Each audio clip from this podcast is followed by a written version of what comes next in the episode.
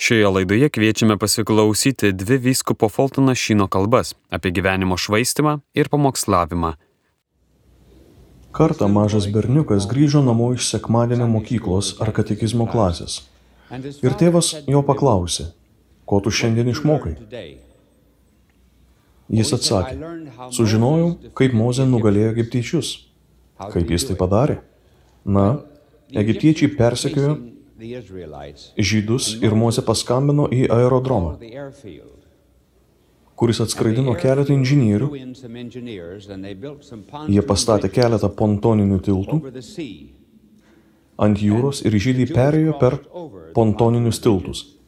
Tada atskrido daugiau lėktuvų ir jie subombardavo tiltus. Žydus, turiu omenyje, egiptiečius, kai jie buvo ant jų ir jie visi žuvo. Tėvas paklausė, ar jie tikrai tau tai pasakojo? Berniukas atsakė, kad ne, to nepasakojo. Bet jei papasakočiau, ką jie iš tikrųjų pasakė, tu tiesiog manimi nepatikėtum.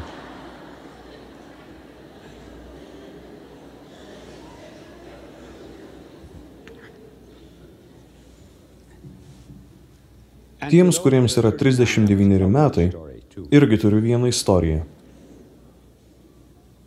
Kartą kalbėjau apie klėstėjimą ir nelaimės. Ir aš pasinaudojau gėlėmis kaip pavyzdžių. Aš sakiau, kad saulėgražos klesti tik saulės šviesoje. O kitas atrodo, gali klestėti šešėlyje, kaip fuksijos. Vėliau kažkokia moteris atėjo pas mane ir jis sakė, kad tai buvo nuostabus pamokslas. Pagaliau supratau, kas negerai su mano fuksijomis.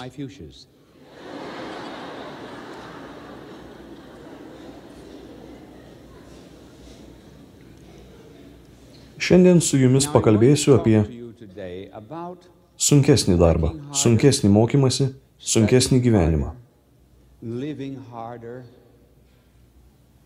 Švaistimasi energiją, galvojimą apie kitus.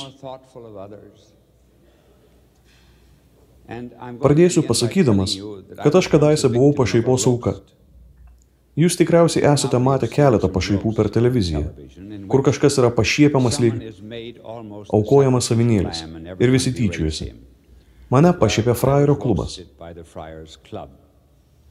Šie aktoriai mums pastatė dramą scenoje ir šioje dramoje aš ką tik nuvykau į Ročesterio viskupiją. Generalinis vikaras buvo kambaryje su sekretoriumi ir keliais kunigais, kurie turėjo atsakingų postų toje viskupijoje. Ir tada įėjo šventasis tėvas. Ir jis atrodė lygiai taip pat kaip šventasis tėvas, tas, kuris vaidino. Ir jis priejo prie, pakalbėjo su generaliniu vikaru, kažką kanceliui sušnapždėjo, tada tyliai kažką pasakė kitiems kunigams.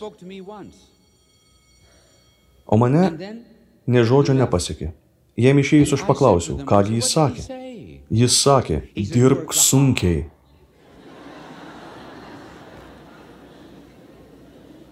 Tai aš jums ir papasakosiu apie sunkų darbą. Nes iš tikrųjų dauguma iš mūsų gyvena žemiau nei mūsų lygio energija. Ir norėdami būti laimingi, mes turime padaryti daugiau. Mes galime padaryti daugiau. Dvasiškai ir visai kitaip, nei mes darome dabar. Tai rodo ir hipnotizavimas. Keliems užhipnotizuotiems vyrams pasakė, kad jie yra stipresni, nei buvo anksčiau. Ir jūs žinokite, jie pakėlė svorius 40 procentų didesnius, nei jie kada nors būtų pakėlę. Iki buvimo užhipnotizuotais. Jie tiesiog gavo naują asmens tapatybės dokumentą ir tada kita vyrų grupė buvo užhipnotizuota. Nors ne, ta pati grupė. Grupiai buvo pasakyta, kad jie nebėra tokie stiprus, kokie paprastai yra. Ir svarmenys, kuriuos jie pakėlė, buvo 18 kg lengvesni, 40 procentų mažesni. Todėl matote, labai svarbu tai turėti mintyse.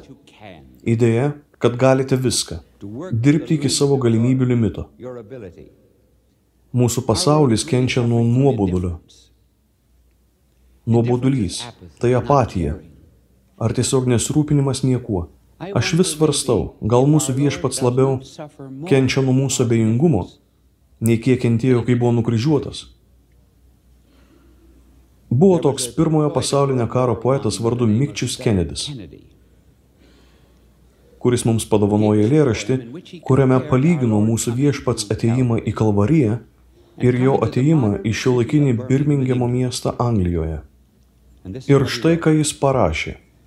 Kai Jėzus atvyko į Galgotą, jie prikalė jį prie medžio. Davė spigliuotą karūną, raudonos ir gilios buvo jo žaizdos. Tai buvo žiaurios dienos, kai žmogaus kūnas buvo pigus. O atėjus Jėzui, Birmingeme jį paprasčiausiai praleido jie jo nebūtų net palietę. Leido mirti pačiam. Tai padeda vyrams tapti švelnesniems. Jie nesuteikė jiems skausmo, jie jį tiesiog praleido ir paliko lietuje. Ir taip lyjo žiemos lietus, kuris jį permirkė, keurai. Ir kai visi minioje paliko gatvę, atsisėdo šalia sienos ir nusivylė, norėdamas fariziejų. Kitaip tariant, fariziejų žiaurumas yra primtinesnis už mūsų abejingumą. Taigi aš jūsų meldžiu, kad gyvenime jums nebūtų nuobodu. O mums nuobodu yra todėl, kad mes nieko nemylime. Kai jūs, merginos, suauksite ir susižadėsite,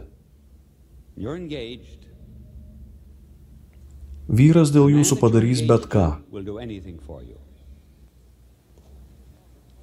nes jis jūs myli. Buvo Čikagos floristas, kuris reklamavosi sakydamas, kad vyras vis dar siunčia gėles, jam reikia sustoti. Na, o vyrai pasipiktino. Žinoma, yra akivaizdi priežastis nebesiųsti gėlių po santokos, bet kai esi įsimylėjęs, padarysi viską. Ir suprask, jaunuolis dėl tavęs padarys viską, nes jis myli, o jūs taip pat. Juk dėvėti tokius drabužius, kokių jis nori, jei jam patinka rožinė spalva, ją ir dėvėsite ir ji nebus niekiek nuobodi. Bet norint suprasti šią pamoką, aš paimsiu keletą istorijų iš Biblijos.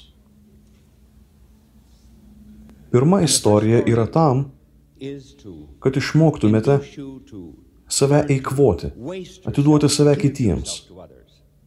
Grįžkime prie karaliaus Dovido, kuris gyveno dar tūkstantį metų iki Kristaus. Ir karalius Dovidas kovojo prieš filistinus, amžinus žydų priešus. Mūšio frontas atvedė jį iki gimtojo kaimelio Betlėjaus. Taigi, kai senstame, mes kartais jaučiame ilgesi skonėms, patirtims iš laikų, kai buvome jauni. Kai Dovydas pamatė miestelį, Betliejuje sakė, jei aš galėčiau tik dar kartą paragauti vandens iš šulinio prie Betliejaus vartų. Ir kareivis pasakė, kad viskas gerai, gausime jums vandens. Prasiveršime per linijas. Ir jie grįžo su vandeniu. Dovydas pakėlė vandens indą ir išpylė jį po žemę. Sakė, kad aš nevertas gerti vandens, kuris buvo nupirktas už tokią auką. Jis išvaistė. Tai išvaistė ta prasme, jei jis išgertų, jis dabar nebūtų prisimenamas. Ir aš nesakyčiau jums tos istorijos, kai mes išsaugome tam tikrus dalykus. Dalykus savo mes juos gadiname. Mes, pavyzdžiui, išsaugome savo kūną tik savo malonumui. Tada tai tampa geismu. Mes taupome pinigus. Tai tampa godumu. Mes išsaugome žinias, nenaudojame jų. Mokyti kitus. Tai virsta pasididžiavimu. Dovydas išlėjo vandenį pamoką, kad kartais reikia atsisakyti gyvenimų, malonumų tam, kad būtume atsiminti. Dar viena istorija su tokia pačia pamoka. Ir čia mes nusikeliame į laikus palaiminto viešpačiu. Jis buvo pakviestas į fariziejaus Simono namus. Fariziejai buvo labai išpuikę žmonės. Ir kai jis pietavo su apaštalais, moteris pasibeldė į duris. Turite atsiminti, kad tomis dienomis buvo labai lengva ateiti į pietus. Bet kas galėjo ateiti, stovėti šalia sienos, jie negalėjo valgyti, bet galėjo klausytis pokalbio. Taigi, nebuvo labai neįprasta, kad moteris atėjo pasiklausyti pokalbio. Bet dėl jos paraudo Simonos kruostas. Jam nerūpėjo, jeigu kažkas kitas būtų atėjęs. Bet viešpats, ką jis pagalvos apie tai? Moteris buvo nusidėjėlė. Ir Simonas vis sakė savo, jeigu tik jis žinotų, kas per moteris jį yra. Įdomu, kaip sužinojo.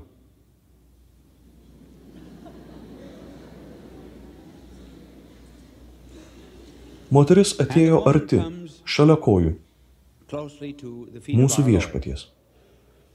Jaunesnė turėtų žinoti, kad tais laikais žmonės nesėdėjo prie stalo,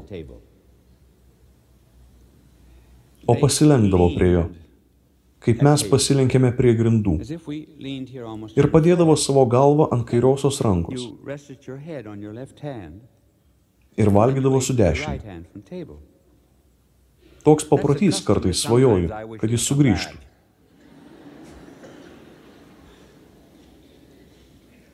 Taigi, moteris ateina prie viešpaties kojų ir jį turi kvepalų aplink kaklą.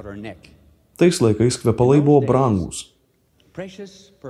Buvo nešiojami aplink kaklą.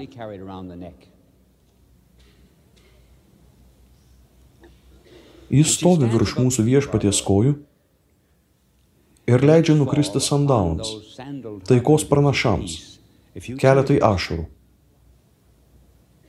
kaip keliems pirmiems vasaros lietaus lašams. Ir tada jį buvo gėda, kad nukrito tos ašaros. Ir jį juos nuvalė, nuvalė su savo plaukais. Tais laikais visos gėdingos moterys buvo palaidais plaukais. Jei buvo lengva nuvalyti su ilgais plaukais, nuvalyti kojas mūsų viešpačia. Tada jį paėmė nuo kaklo tą mažą indelį kvepalų. Toks buvo žydų paprotys. Jie nueidavo į laidotuvės, sudaužydavo kvepalų buteliuką ir lašindavo ant numirusiojo ir tada netgi įmesdavo buteliuką į karstą. Dabar, kai jis stovi virš mūsų viešpaties kojų, ji nedaro to, ką darytumėte jūs ir aš. Jūs ir aš išpiltumėte gražiai. Laša po lašo. Lietumu parodant savo dovanos dosnumą. Taip nedarytumėm, jeigu labai mylėtumėm. Ji tiesiog suskaldė, visus kvepalus atidavė ir namas prisipildė kvepalais, sako šventasis raštas. Taigi atsiminkite, gerieji žmonės, tai nebuvo Chanel numeris 5. Judas taip pat buvo ten. Ir jis žinojo kainą. Visko, Kodėl kvepalai nebuvo išsaugoti ir netiduoti vargšams, Bet mūsų viešpats palankiai kalbėjo apie moterį. Jis pasakė, ši moteris padarė tai dėl mano laidotuvių. Nes šitas įvykis nutiko dešimt dienų prieš mūsų viešpaties nukryžiavimą. Ir Evangelijos rašytojai paliko šią istoriją Evangelijoje, kad mes pasimokytumėm švaistyti, duoti, sulaužyti, pasiduoti. Kaip viešpats kitoje vietoje sako, eik papildomą kilometrą. Ką jis turi omenyje? Eik papildomą kilometrą. Na, dėl to, nes tais laikais paštas Įsivaizduokite, jeigu dabar tai būtų. Kai paštas atkeliaudavo, paštininkas pasakydavo, klausyk, aš turiu šiandien daug sveriančių laiškų, paimk pusę jų. Jis turėjo autoritetą priversti žmogų nueiti papildomą kilometrą nešant sunkius laiškus. Štai ką viešpats turiu omenyje. Jeigu paštininkas priverčia eiti kilometrą, eik dar vieną. Jeigu kažkas paima jūsų kailinius, duokite savo apsiaustą kartu. Nesibaigiantis davimas. Mes tai apibūnintumėme kaip dosnumą. Tas skambutis dažnai skamba, ar ne taip? Turiu įtarimą, kad jis įspėja mane.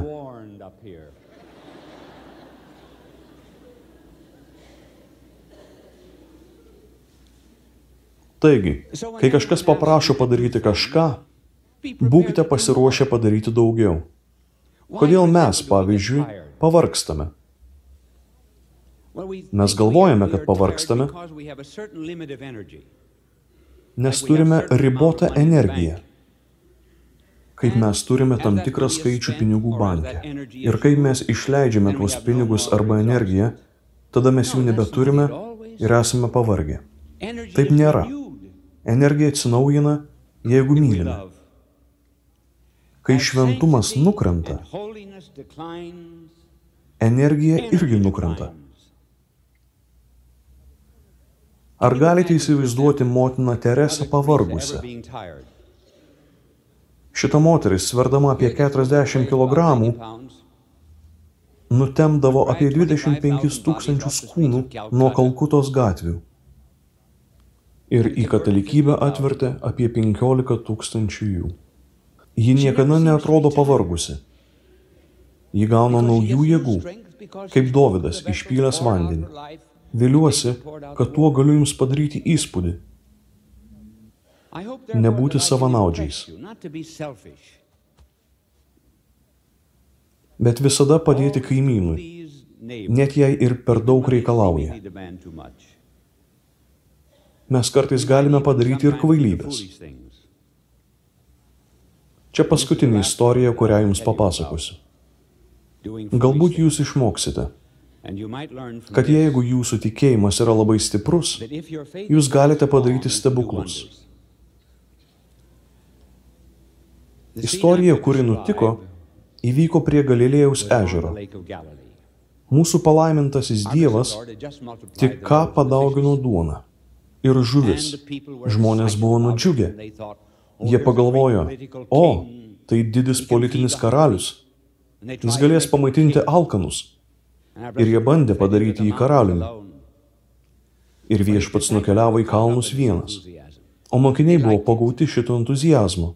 Jis jiems patiko. O viešpats nenorėjo, kad jie būtų sudeginti. Kad jo karalystė yra politinė. Jis pasakė, eikite į valtį. Plaukite į kitą ežero krantą. Sprūkite nuo šių žmonių. Čia nėra mano karalystės principas. Taigi, čia mūsų viešpats ant kalno. Apaštalai ir kluojantys po vidurnakčio ežere. Audra ateina. Jie pabūgė. Mūsų viešpats meldžiasi už juos ir žiūri juos per audrą. Mes kartais galvojame, kad mūsų išbandymus, sunkumus, ekonominius, fizinius, moralinius, kad viešpačiai tai nerūpi.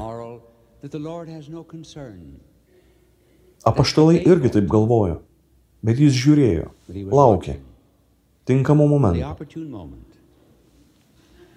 Kai jau apaštalai beveik papuolė į neviltį, Mūsų viešpats pradėjo eiti vandeniu link jų. Jie išsigando. Jie galvojo, kad tai vaiduoklis. Mūsų viešpats pasakė, nebijokite, čia aš. Kada aš sakau šitą ištrauką, prisimenu popiežiaus Leono XIII kažkas paprašė nutapyti jį, bet nebuvo gražiai nutapytas.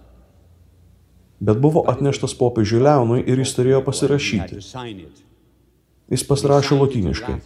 Noli timeri ego sum. Nebijokite. Čia aš. Mūsų viešpats sako apaštalams. Nebijokite. Čia aš. Čia mes pamatome didį tikėjimą. Petras myli mūsų viešpatį ir aš sakau jums, jeigu mylite, jūs padarysite daug darbų. Nesustosite. Ir Petras mylėjo mūsų viešpatį. Jis negalėjo būti be jo, nekantravo būti kartu su juo. Ir pasakė, liepk man ateiti iki tavęs. Įsivaizduokite tai. Petras taip mylėjo viešpatį, kad galvojo, kad gali eiti vandeniu. Ar galite įsivaizduoti, kas turėjo atsitikti toje valtyje? Ta akimirka, kai Petras pakėlė savo koją. Tuo įžengs ant vandens. Kas galvojate nutiko? Jo brolis Andrius tikriausiai pasakė, Petrai, klausyk, tu visada kvailys. Tomas tikriausiai pasakė, ką tu bandai padaryti? Prisijungti prie cirko? Kiek tu pinigų gauni už tai? Taip toliau ir taip toliau. Sugrįžk, kvaily, sugrįžk. Bet jis žengė ant vandens. Vaikščiojo ant vandens.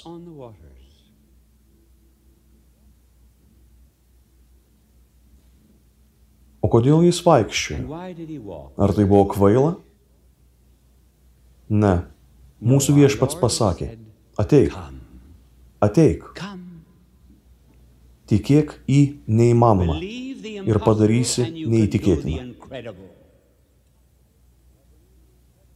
Arba tikėk į neįtikėtiną ir padarysi tai, kas neįmanoma. Tikėk į tai, kas yra beveik neįmanoma. Ir jeigu tiki, tai įvyks. Viešpats pasakė ateik ir Petras vaikščiojo vandeniu, bet tada jis pradėjo skęsti. Kodėl jis pradėjo skęsti? Nes Petras mokėjo plaukti. Kažkada, kai geriau mokėsite šventą įraštą, paklausiu, iš kur žinote, kad jis mokėjo plaukti. Arba kas greičiau bėga, Petras ar Jonas? Ar žinojote, kad tai šventajame rašte? Kai grįšite į mokyklą studijuoti Biblijos, aš tikiuosi, aš tikiuosi, Jūsų katekizme surasite, kas greičiau bėga. Petras ar Jonas. Aš nesakysiu, bet atsakymas Biblijoje. Taigi viešpats pasakė, ateik ir jis ėjo, bet pradėjo skęsti. Bet žinome, kad gali plaukti, nes sekmadienį po Velykų Petras nuplaukė 365 metrus. Tai irgi yra Biblijoje. Kodėl jis skendo, jeigu mokėjo plaukti? Šventasis raštas pasako priežastį. Jis nebežiūrėjo į viešpatį.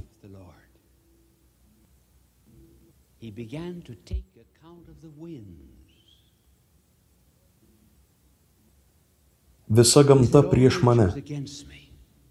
Arba mūsų šiandieninė kalba mūsų sociologinėme pasaulyje, jis pradėjo atsižvelgti į sociologinės apklausas.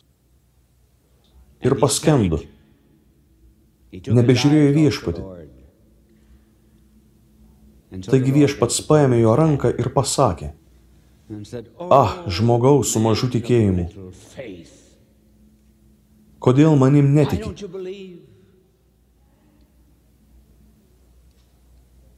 Ir tada Petrą pargabeno atgal į valtį. Ir viešpats sugražino juos į krantą.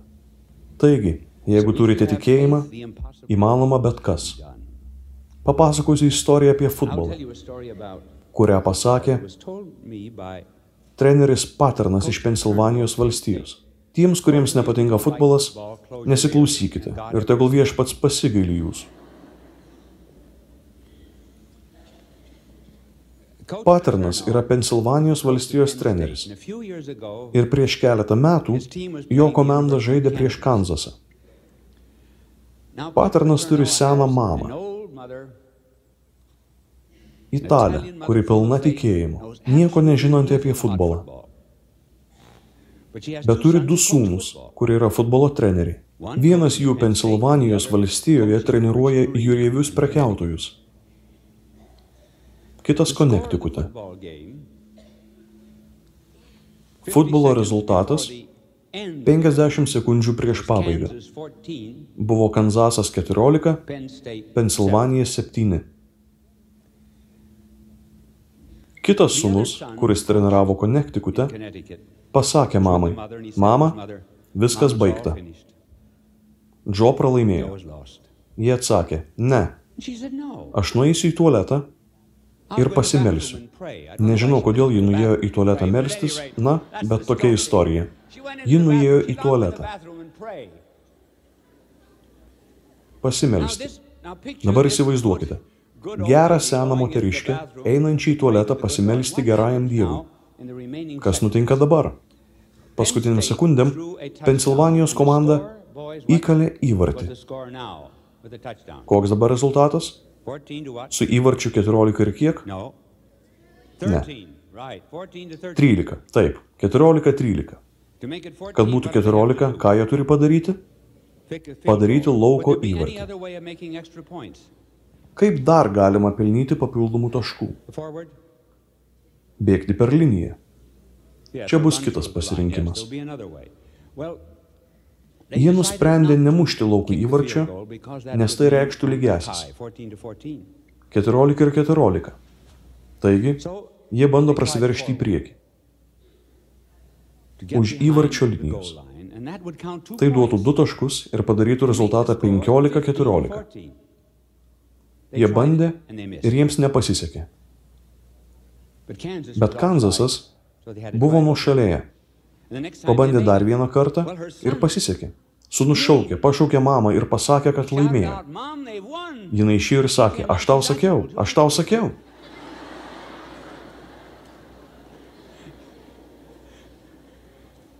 Taigi, jūs tikite į neįtikėtiną ir padarote neįmanomą. Atrodytų, kad paterno išmintis laimėjo žaidimą, bet iš tikrųjų tai buvo jo mama. Na, mano laikas jau senka. O taip, klausykite, geriai žmonės. Visada yra geriau sakyti, vyliausi, kad jis kalbės ilgiau. Jis turėjo tris gerus šansus užbaigti laidą.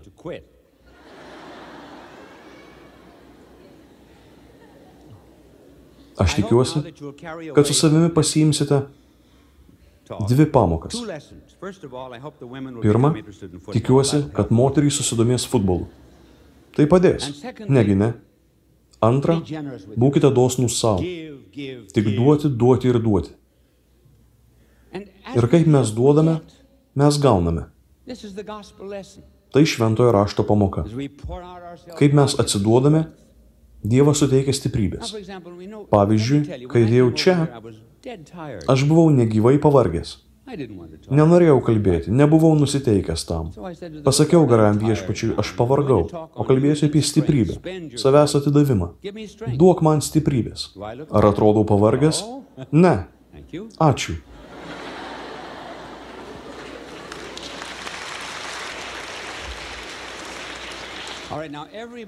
Gerai, dabar visi būkite dosnus. Dosnus savo.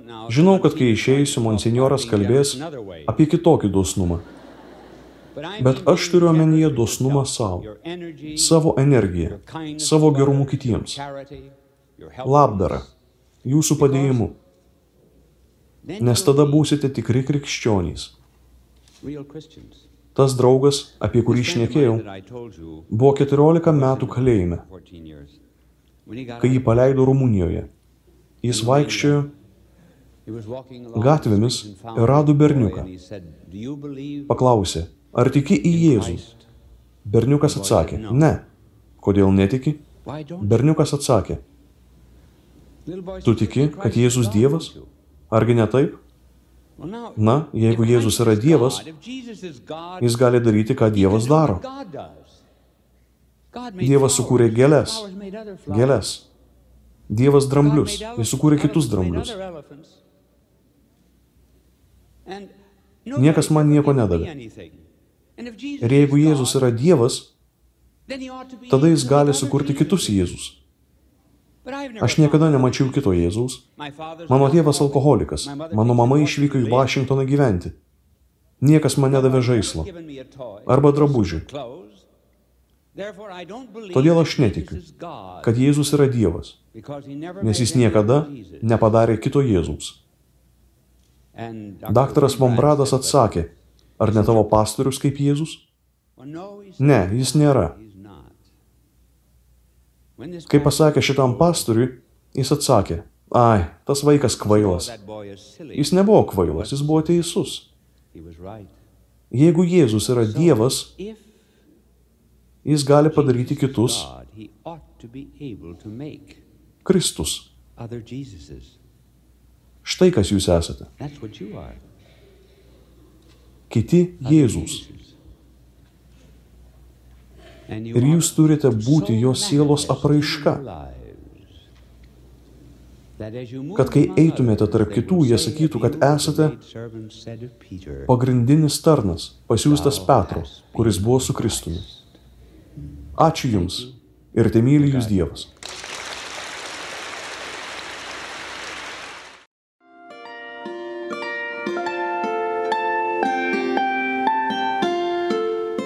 Jūs girdite Marijos radiją.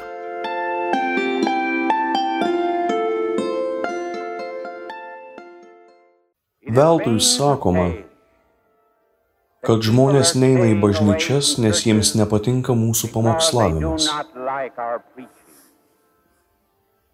Jie neina ne todėl, kad mes pamokslaujame šiek tiek apie pasiaukojimą, bet dėl to, kad per dažnai duodame savotiškų sociologinių trupinių.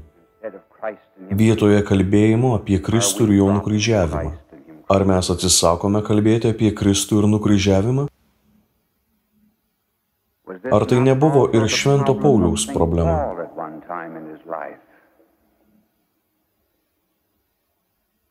Kartą Paulius nuvyko į universitetinį Atenų miestą.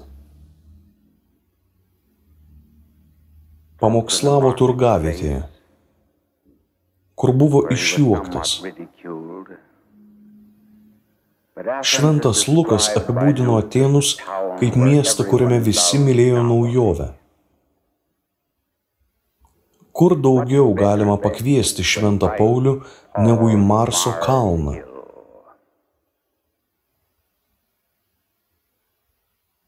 Tai buvo viena didžiausių galimybių, kada nors pasitaikiusių Šventam Pauliui. Kreiptis į išprususius filosofus, valstybės veikėjus, graikų išminčius. Bibliniu požiūriu, tai buvo absoliučiai tobuliausias Švento Pauliaus pamokslas.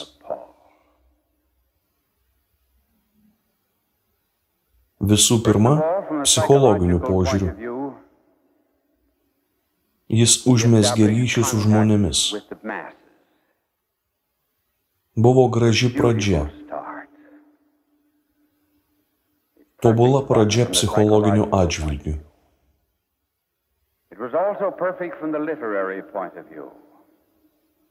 Kalbant su išminčiais, reikia būti išmintingu.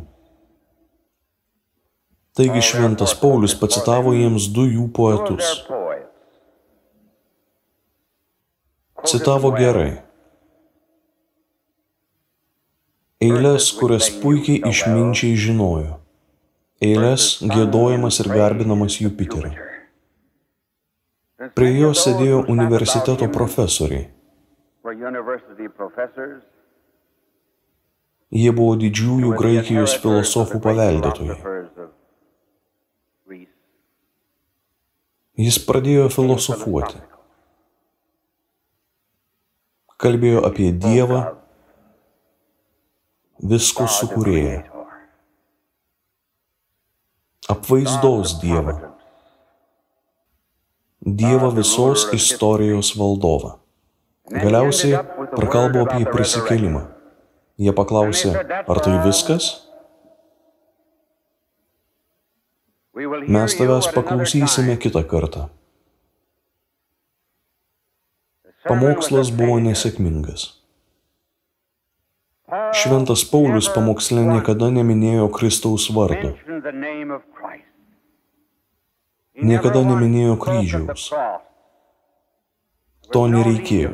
Jis naudojo kitą simbolį. Šventas Paulius išėjo iš Atenų. Ėjo 65 km iki Korintijos. Turėjo pilną laiko apmastyti, kodėl jo pamokslas nepasisekė. Jis parašė korintiečiams. Čia jis ėjo ne į išprususį miestą, bet į korumpuotą ir žiaurų miestą. Korintiečiams kalbėjo apie žmogaus kvailystes. Tokias, kur žmonės galvoja, kad jų išmintis yra tikroji ir vienintelė išmintis. Bet iš tikrųjų Dievo kvailystė yra tikroji išmintis. Šventas Paulius pasakė, kad atėjau tarp jūsų žinodamas. Nuo šiol tik Jėzus ir jo nukryžiavimas. Šventas Paulius išmoko tai, ką ir mes turėtume išmokti. Čia esame tam, kad ugdytume pamokslavimo meną. Aš taip pat jūsų maldauju ugdyti pamokslininko amatą. Pamokslininko amate